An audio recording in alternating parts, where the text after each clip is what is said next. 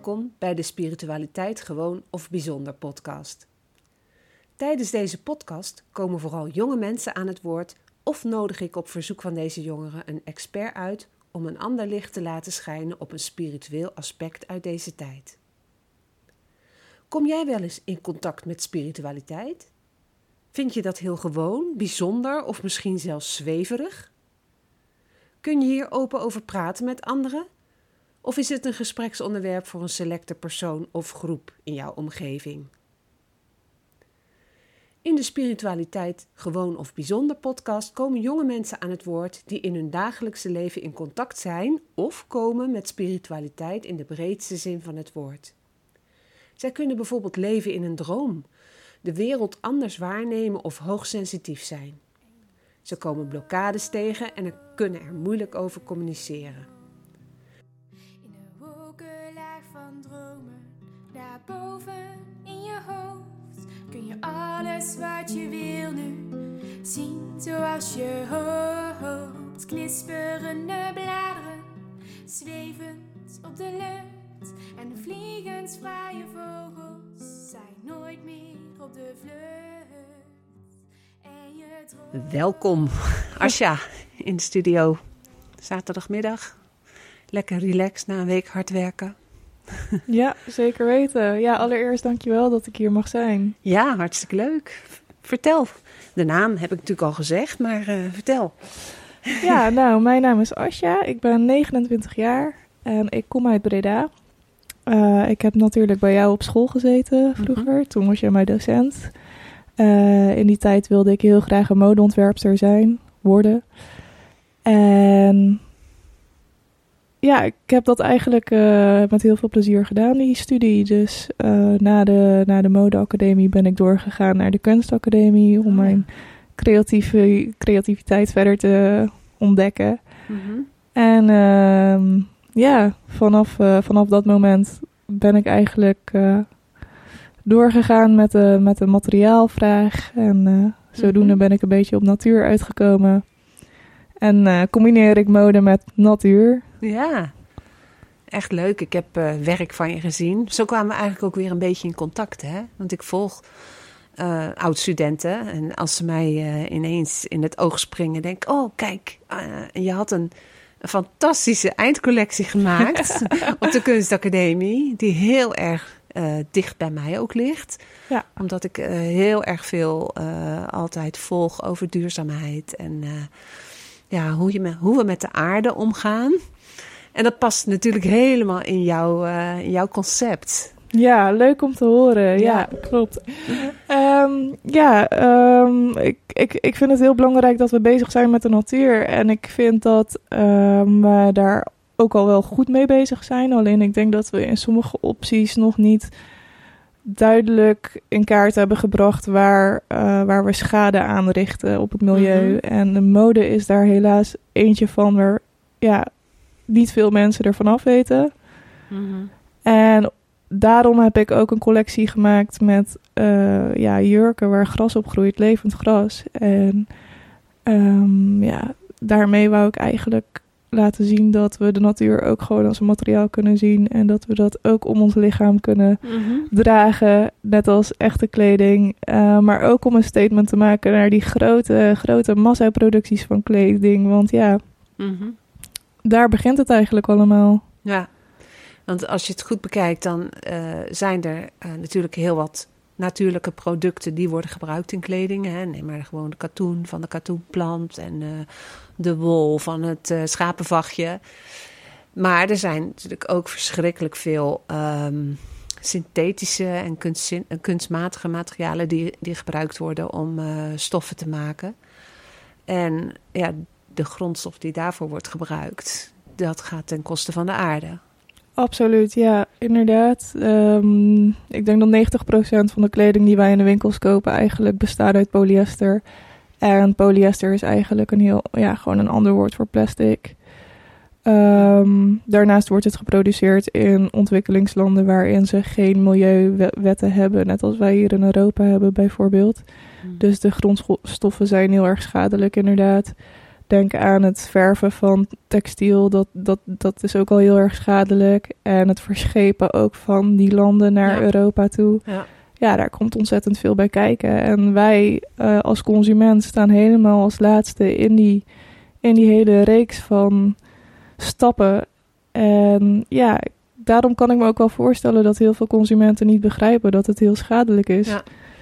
Dus ja, Ja, die weet dat ook niet. Nou wordt het wel steeds bekender, hè? want eh, eh, er zijn al jaren natuurlijk pu- publicaties over hoe verontreinigend eh, de textiel of de fashion industry is. Nou, dan mogen die artikelen er wel zijn, maar dan moet je het ook nog gaan lezen. Hè? Er zijn allerlei televisieprogramma's over gemaakt, documentaires over gemaakt, zelfs interessante vervolgseries met eh, jonge mensen die dan eh, ehm, uitgenodigd worden om eh, mee te gaan op reis naar, wat was het, Myanmar, geloof ik. en daar gaan leven samen met de mensen die dus de textiel produceren of de, de kleding produceren die wij dragen. En dat was wel ogenopenend. Maar vervolgens, als dat voorbij is, gaat iedereen weer over tot de orde van de dag. En dat is een beetje jammer, want ehm, al zou iedereen maar de helft kopen van wat hij eh, normaal ge- gesproken koopt, eh, is het, eh, ja, dan is het nog veel. ja. Maar dan zou er al enorm veel veranderen. Ja, 100 procent. Het eh. Ja, ja en nee. En ik denk ook wel ehm, dat. Ja, wij als consument inderdaad wel een bijdrage kunnen leveren. Maar ik denk dat als, eh, als we echt duurzamer willen leven, dat we ook gewoon aan het hele begin van die, van die reeks, dus bij de productie, ook wel stappen moeten ondernemen. Mhm. En vaak is het antwoord dat de overheid bijvoorbeeld geeft, is dat wij, wij zelf als consument duurzamer moeten leven, dat we minder moeten kopen, Mhm. eh, onze afval moeten scheiden, et cetera, et cetera. En dat helpt en dat is heel goed. Maar ehm, ja, ja ik, ik, ik wil eigenlijk gewoon een beetje bewustwording creëren en eh, ook het gesprek behouden over dat er aan de andere kant van de wereld nog ja, verbetering nodig is. En heb je het idee dat wij dat vanuit het Westen eh, kunnen beïnvloeden? Ehm, ja, goede vraag. Ja, ik denk, ik denk dat dat wel eh, moeilijke stappen zullen zijn. Want ik denk dat ja, misschien hogere lonen, hogere salarissen en ook meer investeren in duurzaamheid daar. Mhm. Ehm, ja, om maar een voorbeeld te noemen. Ik weet dat de Zara bijvoorbeeld, dat is een kledingwinkel dat heel populair is. Die hebben een ehm, productieproces dat ze elke week, ik denk, drie collecties produceren. Drie nieuwe collecties. Mhm. Dus ja, die verkopen lang niet alles. En ehm, ja, die kleding blijft over en dat wordt weggegooid. En ik denk ook trouwens, als je iets bestelt op het internet en je, ja, je past het toch niet en je wilt het terugsturen, dan denk je vaak dat dat gewoon weer terug in de winkel komt te hangen. Maar dat is 9 van de 10 Niet. keer niet zo. Nee. Nee, dat gaat gelijk de prullenbak in. Ja. Ja, en dat is zonde. Ja, zeker. En ja, het is een algemene ommezwaai wat nodig is. En ehm, de discussies hebben we natuurlijk op school voor mode hebben we die ook vaak ge- gehad. Dat eh, dan zegt een, een jongere heel begrijpelijk, zegt ja, maar als wij die kleding niet kopen, hebben die mensen daar geen inkomen en hebben ze geen eten. En eh, eh, ja, daar komt dan natuurlijk ook weer eh, de regering kijken. Die heeft de verantwoordelijkheid voor zijn inwoners. Dus die moet zorgen voor een goed stelsel, zodat er geen armoede is.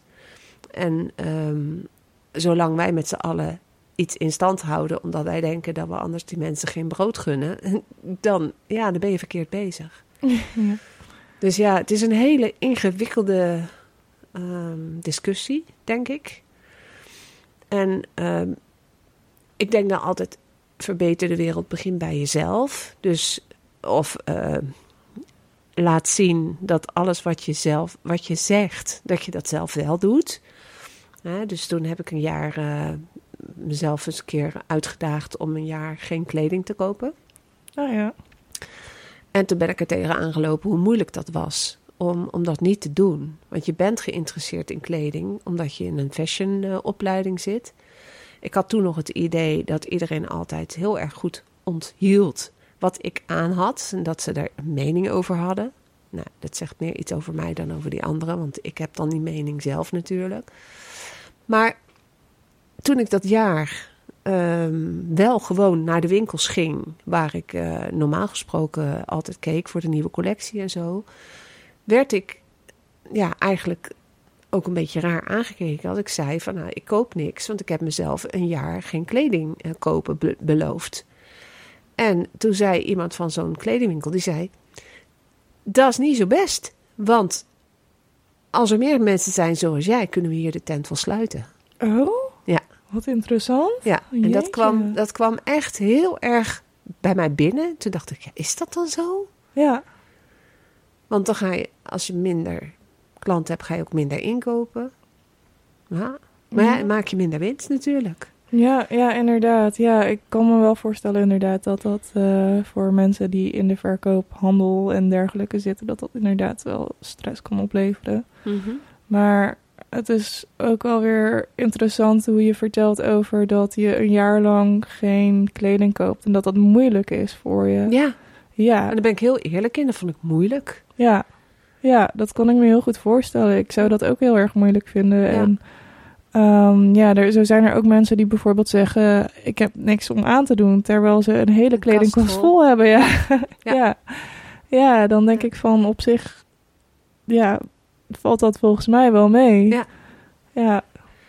Ja, het, het gekke is dat je uh, periodes hebt dat je bepaalde kleding heel veel draagt. En andere periodes dat, dat je ineens denkt van, oh, dat heb ik ook nog. En dat pak je dan. En dan laat je dat andere weer liggen. Dus ja, het, uh, ik heb niks om aan te trekken. Dat is meer een, een, een soort behoefte of zo. Een drug om, om iets nieuws te kopen. Of, uh, nou ja. ja. goed. En na dat jaar ben ik zeker geen uh, mijn schade in gaan halen. Hè. En toen dacht ik, oh, ik kan gewoon een jaar zonder kleding kopen. Dus ik moet gewoon kijken wat ik echt nodig heb. En dan kan ik iets kopen. Of als ik in een winkel iets leuks zie, dan denk ik, heb ik dit echt nodig? Ja, Waarom zou dat- ik dit kopen? Ja. Dus er zit een soort extra barrièretje uh, wat ik opwerp, zit er tussen. Ik denk dat wij allemaal wel een soort van uh, handeling hebben gecreëerd of een houding naar hoe wij kleding kopen, hoe we het dragen en hoe we daarmee omgaan, inderdaad. Um, ja. Je zou maar, je zou maar, ja, kleding langer dan vijf jaar bewaren. Dat is gewoon iets wat we tegenwoordig gewoon, dat is gewoon niet meer gebruikelijk. Mm. En dat, dat is ook de hele ja, moeilijkheidsgraad in het kleding. Dat uh, je sommige dingen moet ontleren.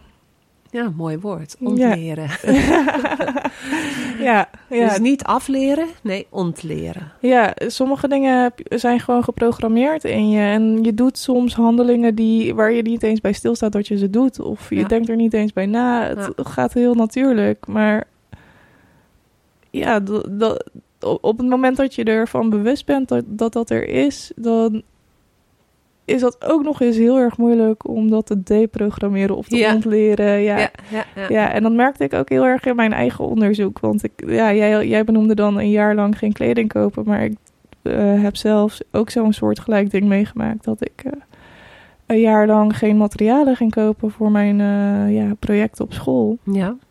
Omdat ik eigenlijk in mijn omgeving genoeg had liggen Mhm. om daar wat mee te doen. En toen op een gegeven moment.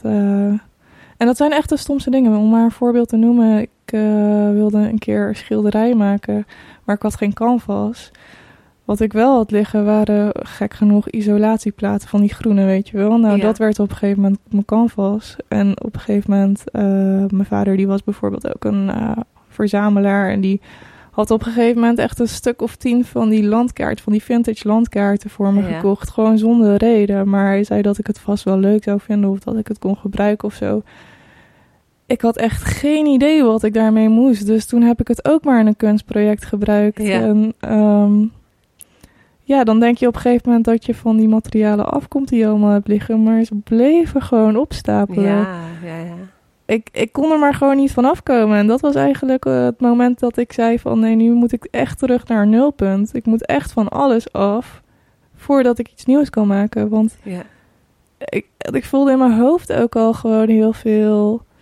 Ja, kladder noemen ze dat in het Engels. Ehm, ja, ik voelde me verstrooid. Ik eh, kon me niet meer focussen. En ik, Mhm. ja, ja, het zat gewoon vol. Dus er was gewoon geen ruimte meer voor nieuwe ideeën of Ja. interpretaties of inspiratie. Er was gewoon heel veel ruis. Ruis, ja, Ja. dat was het woord dat ik Ja. zocht. Dankjewel, ja. Ja, ja. ik, ik ken dat. Omdat hier bij rechterhanden ben ik natuurlijk ook constant bezig met eh, materiaal niet weggooien. En kijken waar je het dan wel voor kan gebruiken. En op een gegeven moment staat dan je huis vol, je schuur vol, je garage staat nog vol. En boven nog een kamertje, wat ook nog. Ja, daar staat geen bed meer. Nee, er staat gewoon allemaal spullen. en dan lees ik iets over het ontspullen van een huis.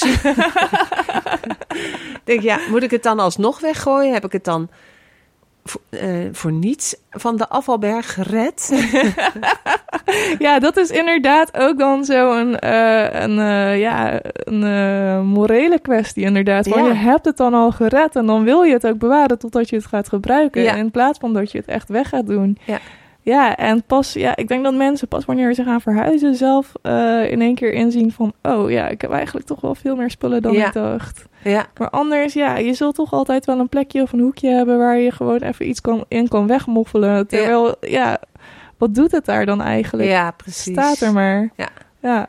Je hebt zo'n televisieprogramma dat heet Je Huis op Orde. Heb je dat wel eens gezien? Ja, volgens mij wel. Ja, ik- ik- of een variatie daarvan. ja. Ja, dan gaan ze een huis helemaal leeghalen en alle spullen uit dat huis, behalve de grote meubels, gaan ze dan eh, uitstallen in een loods van 2000 vierkante meter. En dan ligt die loods helemaal vol met alle kleding en alle boeken en alle cd's en alle, weet ik het wat mensen allemaal eh, ehm, verzamelen. Oh, wow. En echt, als je daarnaar kijkt, dan heb je echt ook zo'n moment van nee, zo erg zal het bij mij toch niet zijn. Nee, oh, en dat je gaat denken van als ze mijn hu- huis zouden leeghalen, zou, zou dat eigenlijk wel allemaal passen in die loods. dat is denk ik mijn grootste angst. Wow. En dan praat ik het wel weer goed, want dan zeg ik, ah, ja, maar het is niet allemaal van mij. Ik, eh, ik maak er dingen van en die gaan weer de wereld in. En Ja, ja, ja, ja. Oh, wat grappig. Nee, ik heb niet gehoord van dit programma, maar het klinkt inderdaad best wel confronterend. Ja, Ja. als je dan eh, al je spullen zo in een loods uitgesorteerd ja, ziet. En dan Ja. zie je in één keer Schokkend. hoeveel het is. Ja. En dan komt het moeilijkste, namelijk dan moet je gaan bepalen wat je wil houden, wat je wil doneren en wat gerecycled mag worden. Oh, ja. Dus je hebt drie keuzemogelijkheden. En dan ga je denken van ja, ga ik hier nog wat mee doen? Ga ik dit bewaren? Ga ik het weggeven? Ga ik het, eh, nou ja, dat. ja, dat dus is... eh, ja. het programma is interessant om naar te kijken. En eh, heel reflectief voor mij, omdat Ja. ik me kan voorstellen ehm, hoe het zou zijn als ik daar stond. Ja. Tenminste, dat probeer ik me dan voor te stellen. En daar heb ik het met eh, mijn man natuurlijk over. ja. Maar goed, het hele stukje van de maatschappij waarin we leven, dat heb je dus. Je hebt eigenlijk iets aan de kaak gesteld in jouw eh, eindcollectie. ja. En nou ben ik wel heel benieuwd hoe de reacties daarop waren. Ehm, ja, die waren wel verdeeld. Eh, mijn docenten die waren niet zo heel erg blij ermee. Ehm, tijdens mijn eindexamen ja, was ik eigenlijk al heel vastberaden dat ik dit project zou doorzetten. En dat Mhm. project heet Dear Fast Fashion. Dear Eh, Fast Fashion. Ja, Dear Fast Fashion, ja. Ja. En dan luidt de hele zin, eh, Dear Fast Fashion, our future is better off without your synthetics. Oh, Oké, ja, mooi. Dankjewel. Eh ik was er ook heel erg blij mee. Ik was er ook heel erg trots op. Ehm, maar ja, er was een soort van... Ja, bevraging van hoe ga je dit doen? En ook gewoon omdat ik eigenlijk toen al wist van... Ja, ik ga, ik ga gewoon gras op textiel laten groeien. Zij, zij hadden gewoon zoiets van... Ja, dat gaat je waarschijnlijk niet lukken. Wie, wie, wie groeit er nou planten op textiel? Ja, ja. Eh, dus eh, zij hadden er gewoon niet heel veel vertrouwen in. Hm. En ehm, wat ik ook wel een beetje jammer vond, is dat ik had dan een installatie gemaakt zodat dan het gras ook zou kunnen blijven leven. Dus ik moest ook denken aan water geven. Ja. Dus ik had een heel systeem gebouwd waarin eh, ja, de paspop in een soort van installatie stond. En dan zou die systematisch bewaterd worden. ja. Maar ja, het gebouw waarin ik eh, les kreeg, dat was een monumentaal gebouw. Dus ik moest ook rekening houden met dat dat water kon lekken en dergelijke en zo. Dus ik moest ook heel erg het contact met de conciërges nauw houden. Mhm. Mm, zij waren ook niet blij met mijn concept, omdat ze bang waren dat ik het gebouw zou beschadigen. Dus ik moest eigenlijk een waterdicht plan, letterlijk, bedenken. Eh, om, om dat allemaal in goede banen te laten leiden. En daar, daarvoor heb ik wel meer plastic eh, nodig eh, gehad dan ik had gehoopt. Mhm. Maar ja, dan, dan denk ik ook van dat, dat wordt dan wel meer vaker gebruikt. En het is dan één keer een aankoop. Dus daar kon ik wel mee leven. Maar Ja. Ehm, daar was door, ja, bij de, bij de toeschouwer was daar ook wel kritiek op. Want ja, dan, dan sta je voor, uh, dan zet je jezelf in voor het milieu, maar dan gebruik je plastic. Ja. Dus die begrepen dat niet helemaal. Mhm.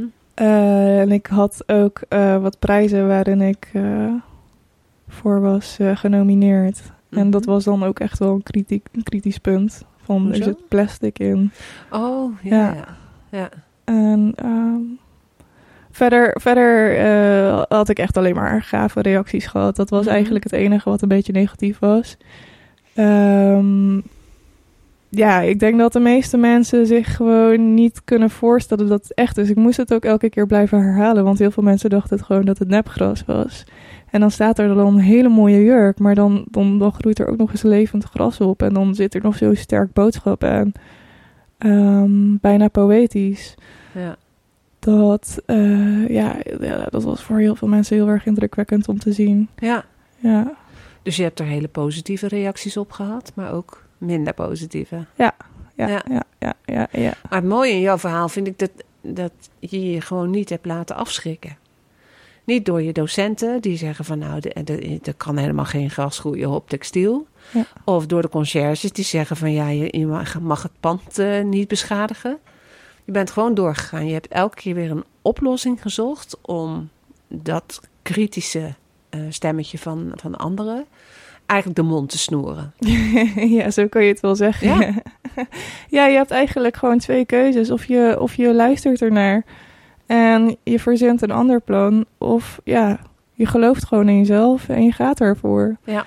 En ik heb van jongs af aan ook wel geleerd van... ja, als je voor een gesloten deur staat, dan, dan, dan, moet, je, dan moet je omlopen. Maar je kan je doel altijd wel bereiken. Ja. Het zal, het zal niet in één rechte lijn gaan, maar het kan Mm. wel. En ik denk dat ik dat ook wel heel erg heb toegepast. Dat ik gewoon ehm, ja, op de een of andere manier een compromis heb gemaakt. En ik heb eigenlijk wel de communicatie er gewoon wel heel erg sterk in gehouden met mijn docenten. Ze wisten, ze waren er niet blij mee, maar elke week kwam ik weer met nieuwe experimenten aanzetten en zo. Hm. Waardoor ze het op een gegeven moment wel tolereerden en me maar gewoon mijn ding lieten doen. En de Ja. conciërges ook. Ik denk dat ze heel veel van je hebben geleerd. Ik hoop het. Ja, dat kan niet anders.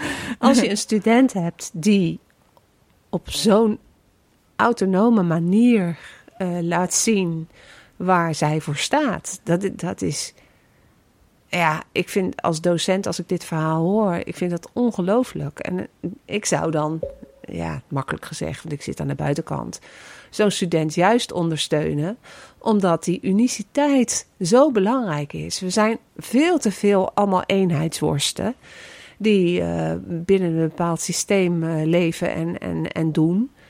En als er dan eens iemand out of the box, want het is echt zo'n mooi woord, hè, out of the box denkt, maar als iemand dat werkelijk doet, dan komt er een soort ontmoedigingsbeleid op gang of zo. Ja. ja, zo heb ik het ook echt ervaren, ja. Een ontmoediging was het. Van, ja, ik, misschien was het gewoon goed bedoeld, hè. Dat ze zoiets hadden van, weet je het wel zeker? Want je gaat wel afstuderen en we willen wel dat je slaagt. Dus het was niet uit een negatieve plek of zo. Maar het was wel van, ja... Ja, ik, ik stond er wel alleen voor, dat Ja. wel, ja. Dus dat was, eh, ja... lastig, pittig, maar ook wel weer heel erg tof. Want Ja. het is me wel gelukt. En, eh, En, en hoe stonden jouw studiegenoten daar tegenover? ja, zij vonden het wel gaaf. Zij vonden het wel kicken. Dus ik heb van hun eh, altijd ook... ehm, ja, op het moment dat ik iets nodig had of zo, dan sprongen ze echt wel bij. En dan Oh, waren ze heel erg behulpzaam. Ja. Ja. Geen, eh, geen mensen die dachten van, nou ja, daar wil ik helemaal niks mee te maken hebben. Of eh, Nee, jaloers zijn. Of eh, de aandacht van jou af gingen leiden. Of, Nee, nee. zeg maar, dat, dat, dat heb ik nooit gehad. Mijn, mijn klasgenoten, die...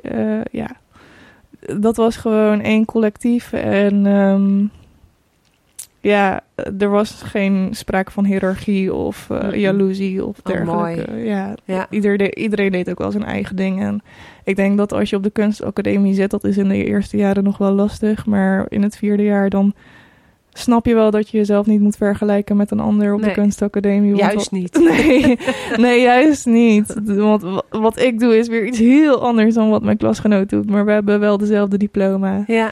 Dus ja. En, en hoe komt dat nou in jou zo sterk naar boven om zo'n boodschap af te geven? Goeie vraag. Ja, ik sta altijd voor rechtvaardigheid. Ehm, en ik denk dat er gewoon echt nog wel plekken in de wereld zijn waarin we echt verandering nodig hebben. En dan wil ik een beetje opkomen voor die underdogs die hun stem niet kunnen laten horen. Mhm. En ja, Heeft het ook te, te maken met eh, je roots? Ja. Ja. Want vertel, eh, ja, ik weet waar je vandaan komt, maar Ja, nou, ik ben dus geboren in Kroatië. Ehm, toen ik elf maanden was, eh, zijn mijn ouders gevlucht naar Nederland. Hm. We, zijn, we bestaan uit een gezin van vijf. Dus mijn ouders, mijn broer, mijn zus en ik. En ik ben de jongste. Ehm, ja, toen zijn we gevlucht naar Nederland. Want we, vanwege de oorlog. Vanwege de oorlog in Joegoslavië was dat toen. Ehm, ja, ik was zelf gewoon nog een baby, dus ik heb er niet veel van meegemaakt, maar wel van de tijd dat we hier in Nederland waren. En dat is ja, wel een interessant verhaal, want ja, mijn vader komt uit Servië en mijn moeder komt uit Kroatië. Mhm. En normaal gesproken is het zo dat als je vlucht naar Nederland en er in het land, als het daar waar je vandaan komt, als het daar rustig is, eh, dan word je teruggestuurd. Ja, Maar eh, het was rustig in Kroatië en in Servië, maar er was nog steeds onderling een soort van spanning. ja, dus hè? Dus tot op de dag van vandaag is dat nog steeds zo, hè? ja, ja, dat klopt. Alleen dat is al er. het wisselen van de regering, elk half jaar geloof ik. Oeh, Eh, de ene, ene helft van het jaar is het een, eh, een Servisch eh, kabinet en de andere helft van het jaar is het dan een, Kroatisch kabinet. Oh ja, ja, nee, dat zal Ja. onderling niet goed gaan. Nee, nee, nee, nee, nee, nee. En Nee. ik weet niet of het een half jaar is, maar het wisselt wel. Ja. Ik ben, ben natuurlijk een aantal jaren daar naartoe geweest Oh ja. met, met, een groep, met groepen studenten. Ja. En eh, toen ben je ook een keer mee geweest, toch? Nee, maar ik weet dat je daarover had verteld. Ja, Ja. Dat, dat, dat je Ja. daar eh, met studenten heen gaat. En Ja. dan eh, bezoek je ook die oorlogsgebieden. Ja. Dat Srebrenica. ik vind dat een onuitspreekbaar woord. Srebrenica. Ja, kijk, jij kan dat wel. en ehm, ja, dan de geschiedenis. En het is natuurlijk al heel lang geleden. Maar het blijft natuurlijk nog heel veel pijn aanwezig. Ja. En dat zit wel in jouw genen. Ja, 100 procent. Ja. Ja. ik denk dat ehm, iedereen die daar nog woont, zeker een derde van de, van de familie kwijt is geraakt door die oorlog. Ja, net als dat het nu in, in eh, Oekraïne is. Ja, Was dat eh, toen de tijd in Joegoslavië. precies. Ja. Ja. Dus wij waren in Nederland en ehm, ja, dus de rust was eh, wedergekeerd. Alleen eh, hè, er waren nog steeds spanningen onderling. Dus Hm. ja, de Nederlandse re- regering wilde het liefst van ons afkomen. Ehm, maar ja, waar sturen ze ons dan heen? Want mijn vader zou niet veilig zijn in Kroatië. En ja, wij, mijn zus, mijn broer en ik en mijn moeder, die zijn dus geboren in Kroatië, zouden niet veilig zijn in Servië. Hm. En er was helemaal geen wet voor. Nee. Dus eh, ja, eh, het was echt gewoon een hele gekke situatie om in te zijn. En onze advocaat die wist dat, eh, dat er een wet zou komen. Mhm. Hij wist alleen niet hoe lang. Wel dat het lang zou duren. Dus hij, eh, ja, ja, als asielzoeker ga je dan eigenlijk naar eh, een asielzoekerscentrum toe. En dan Mhm. keuren ze je goed of ze keuren je af. En eh, als ze je goedkeuren, dan mag je blijven. En als ze je afkeuren, dan ja, ja. Moet je terug naar je je eigen terug. land. Ja. Vreselijk lijkt me dat. ja, dat is altijd heel erg spannend. En eh, ja, wij werden gewoon altijd afgekeurd. Ja, Maar, mijn, maar jullie hadden een doel. ja. Als het niet via de voordeur kan, dan maar via de achterdeur. Exact, Ja. exact. Dus mijn ouders en mijn, eh, de, onze advocaat, de, ja, dat was echt een held. Hij ehm, wilde gewoon tijd rekken. Dus dan werden we afgewezen en dan kon je er tegenin gaan. Mhm. Maar ja, dan moet je weer een nieuwe procedure starten en dat kost tijd. Ja. En zo heeft hij dat een stuk of vijf, zes keer gedaan. Jeetje. Eh, ja, toen eh, uiteindelijk is er wel een wet ge- geschreven. Eh, dat was echt dankzij ons gezin. Ja, joh. Ja, er is een Nederlandse wet dat dankzij ons gezin is geschreven. Mhm. En dat is dat, eh, ja, dat als je langer dan zeven jaar in Nederland verkeert, en je hebt nog steeds ver- geen verblijfvergunning, Mhm. dan, eh, dan mag je Mag je blijven. Ja. Want bij ons was het inmiddels 13 jaar. Mhm. En dat was gewoon best wel pittig, want we hadden in die 13 jaar geen één dag dat wij dachten van nu zitten we veilig. En het was heel erg dubbel, want onze omgeving, onze vrienden en onze familieleden en zo, die snapten het gewoon niet. En die sprongen echt altijd bij wanneer dat nodig was. En die waren super behulpzaam. Mhm. Maar dan had je ook die kant van de regering en bijvoorbeeld de vreemdelingenpolitie die dan langskomt aan je deur kloppen. Mhm. En zeggen van ja, morgen komen we jullie halen. Pak je spullen in. Vreselijk. Ja, en- ja. ja. dat Dus eigenlijk, ja, die vraag die ik je stelde, zo van nou heeft het met je roots te maken, die, die was wel raak. Ja. ja, die Want je hebt raak, ja. eigenlijk van jongs af aan leren vechten voor bestaan. Klopt, ja. En als je dat parallel trekt met jouw concept voor eh, de jurk met gras. Je hebt gevochten voor het bestaan, van de erkenning die, die nodig was om het beeld wat jij voor ogen hebt voor de aarde, want het is allemaal voor de aarde, Mhm. om dat eh, werkelijkheid te laten worden. Ja. Hoe krachtig. Ja, ja, ja, inderdaad. Kijk, Ja. en dit verhaal zegt meer dan de foto's die ik heb gezien in je portfolio. Hè?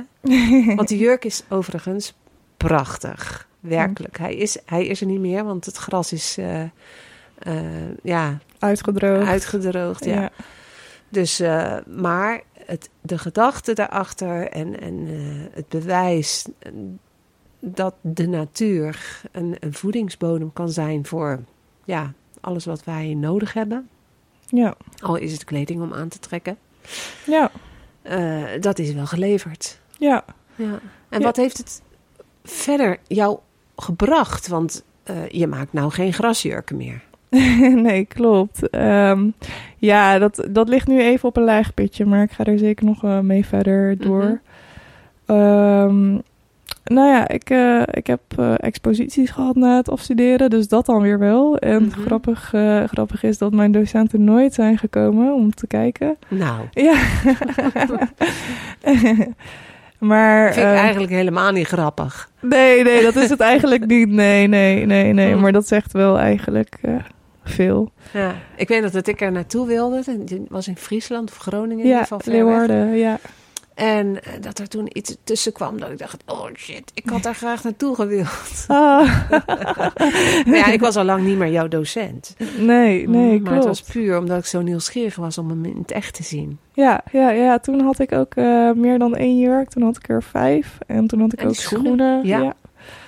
Eh, dus dat was ook heel erg leuk. Maar ik weet nog dat ik tegen jou zei van... Nou, weet je, er komen nog meer exposities aan. Ja. joh. Eh, dat, dat komt altijd wel goed. Ja. En eh, ja, daar hou ik me ook gewoon nog aan hoor. Dat komt Ja? wel. Oh, wauw.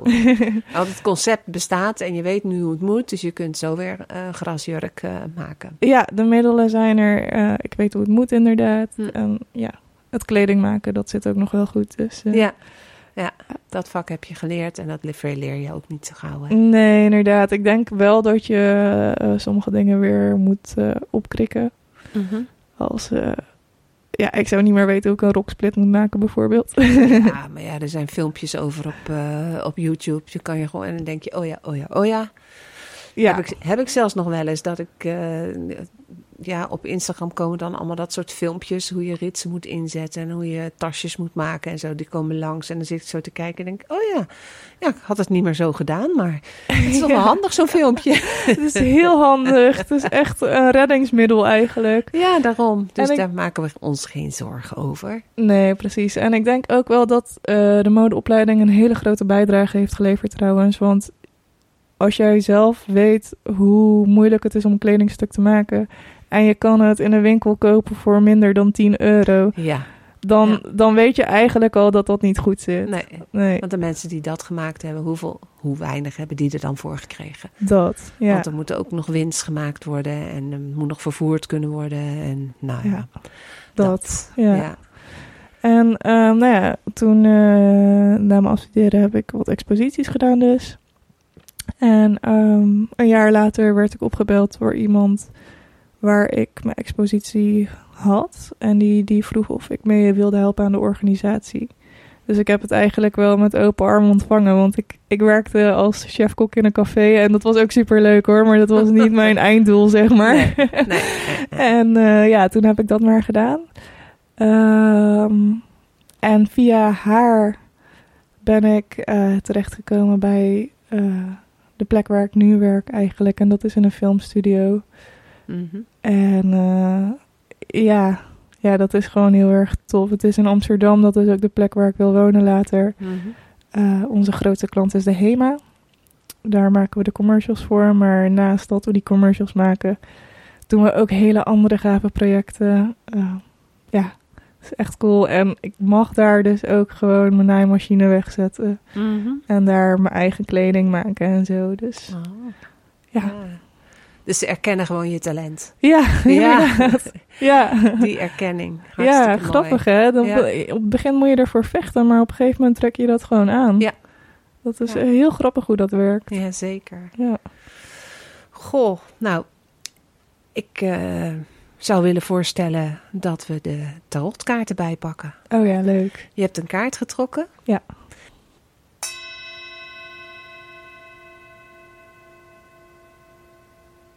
Nou, pak hem er maar bij. Dan eh, vertel maar wat erop staat. Ja, dat was mooi geluid hoor. Ik ben er al helemaal zen van.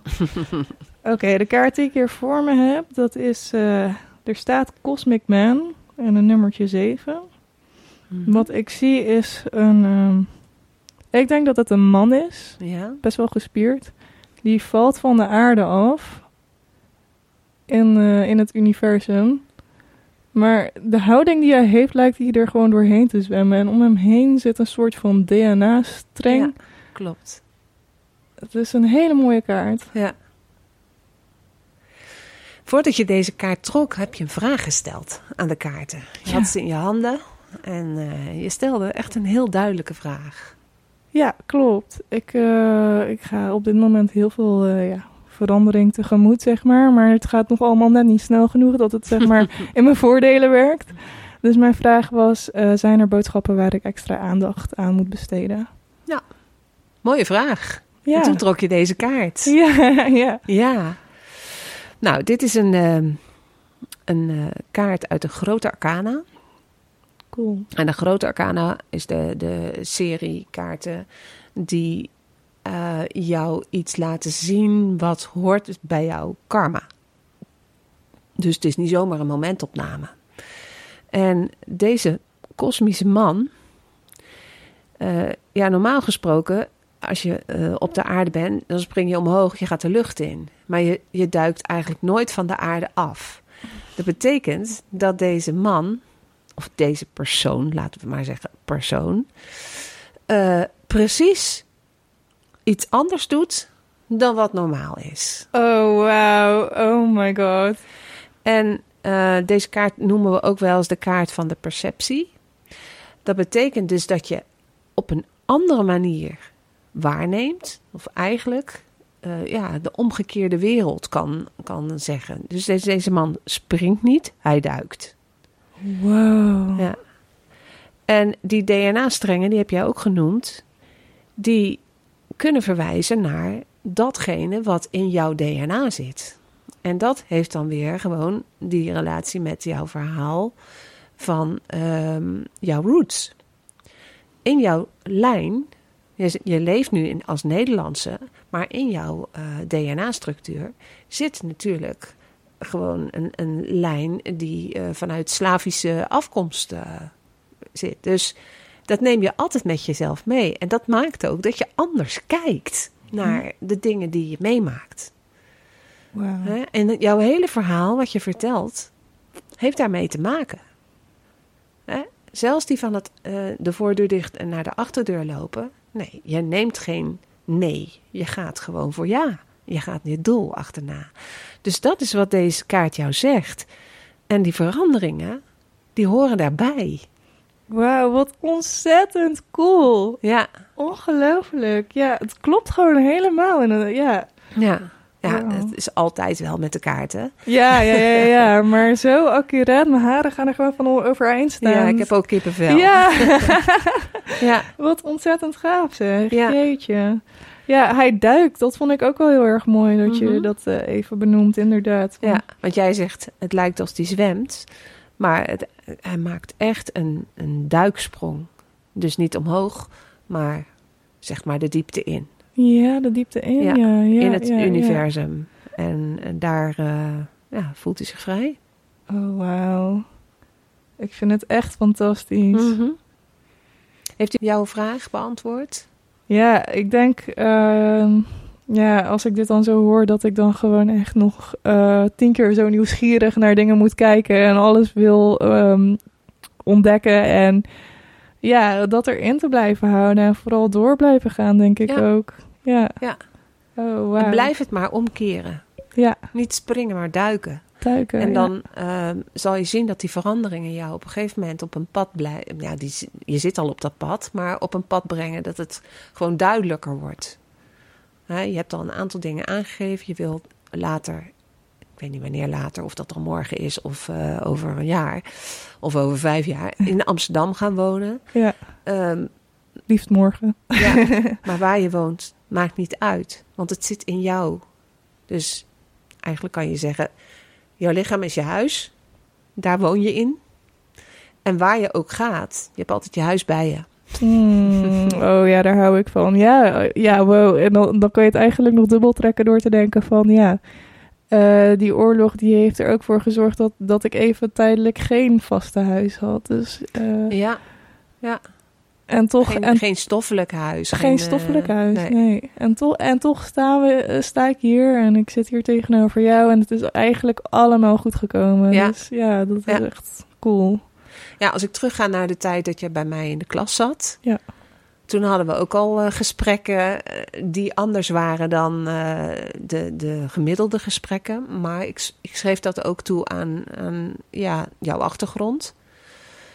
Maar wat ik nog steeds voel, en dat voelde ik toen ook, was een enorme verbinding. Hmm. En een verbinding met het leven of een verbinding met elkaar. En daarom vind ik het zo leuk om je nu weer te herontmoeten. Hè? Want Oh. eh, we hebben elkaar jaren niet gezien. nee. Pas geleden hebben we, hebben we om de tafel gezeten met rechterhandenteam. Ja. En toen kwam je met een nieuw concept wat je aan het uitwerken bent. Ook heel inspirerend, maar ik denk dat je daar nog niet eh, echt over naar buiten gaat. Nog niet. treden? Nee. Nee. nee. Dus eh, daar kunnen we altijd een volgende podcast nog aan wijden. Oh ja, dat lijkt me echt superleuk. Ja, ja, ja. Want eh, ja, dat is wel eentje ook die eh, veel actie met zich meebrengt. En veel vragen en veel mensen gaat benaderen en, en bereiken. En heel spannend allemaal. Ik vind het eh, fantastisch om te horen dat je op zo'n ja, goed, mooi pad bent. Ja, goed is weer zo'n oordeel. Maar eh, zo'n ja, inter- interessant. Het is allemaal oordeel. Maar in ieder geval, Ondernemen het spreekt me ontzettend aan. En eh, ik ben heel erg benieuwd naar eh, wat er allemaal nog gaat komen. Nou, dankjewel. Ook al woon je straks in Amsterdam. Oh ja, maar ja, dat is... eh, ik ben er zo. ja. Nee, ik word er helemaal warm van. Dankjewel. En ik ben ook zo dankbaar dat ik jou toen al heb ontmoet. Mhm. Ik, vond, ik vond de modeacademie vond ik zo ontzettend leuk. Ik heb daar echt met plezier gezeten. Mhm. En eh, ja, jij zorgde er ook voor dat dat een veilige plek was voor mij. En dat is denk Ja. ik heel belangrijk. Ja. Ik weet nog dat we daar een keertje s'avonds aan het werk waren en dat jullie je sloffen mee hadden genomen. en nog net niet je pyjama, met het idee om daar te blijven slapen. Oh ja, oh wauw. Toen ja, waren we met ja. het project bezig met die, eh, met die grote eh, kostuums voor die steltlopers. Ja, Ja. klopt. Ja, ja, ja, ja. Toen hadden we even zo'n avondje dat we dachten van we gaan even doorwerken. En toen hadden we volgens mij ook pizza besteld. Ja, ja, ja, oh, dat was echt heel grappig, ja. Warme herinneringen. Mhm, absoluut. Nou, dit gesprek eh, wat we nu gevoerd hebben is voor mij ook een heel warm gesprek, een warme herinnering. Ik ben blij dat ik hem op kan nemen in de serie eh, met de podcast. En eh, ik weet niet of je nog een afsluitend iets wil eh, meegeven aan de luisteraar. Ja, natuurlijk. Als, als je hier naar luistert en je denkt van ja, ik heb ook ideeën, maar de wereld zit een beetje tegen me of zo. Ja, dan zeg ik gewoon van ga door en blijf altijd in je dromen geloven. Hm. Het, is, het allerbelangrijkste is dat je in jezelf blijft geloven. Want als jij het niet doet, dan doet niemand het. En ja, er zijn uitdagingen zijn soms lastig, maar ze zijn er ook wel om je verder te brengen. En eh, ik zou ze zeker aangaan. Prachtig, mooie afsluiter. Dank je. Mogen mensen jou eventueel een mail sturen of via Instagram? Of, eh, Ja, zeker. want Zeker. Dan eh, zetten we dat, dat gewoon bij de visual eh, in de tekst. En dan eh, kunnen ze jou ook eh, persoonlijk bereiken. Ja, leuk. Ja. Nou, heel erg bedankt voor je mooie verhaal. En eh, de tijd vliegt, hè. Het is eh, de drie kwartier zijn om. Jeetje. ja. ja. dat gaat snel. En eh, nou, tot de volgende keer. Ja, tot de volgende keer. En dankjewel dat ik hier mocht zijn. Graag gedaan. Heb je nou zelf een verhaal wat je wilt delen?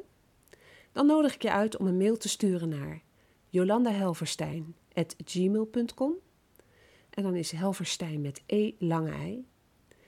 Ook kun je voor verdere informatie een bezoek brengen aan mijn website jolandahelverstein.com. Graag tot een volgende keer. Sluit je ogen maar, doe ze zachtjes toe en droom dan maar zacht. De boze dingen uit jouw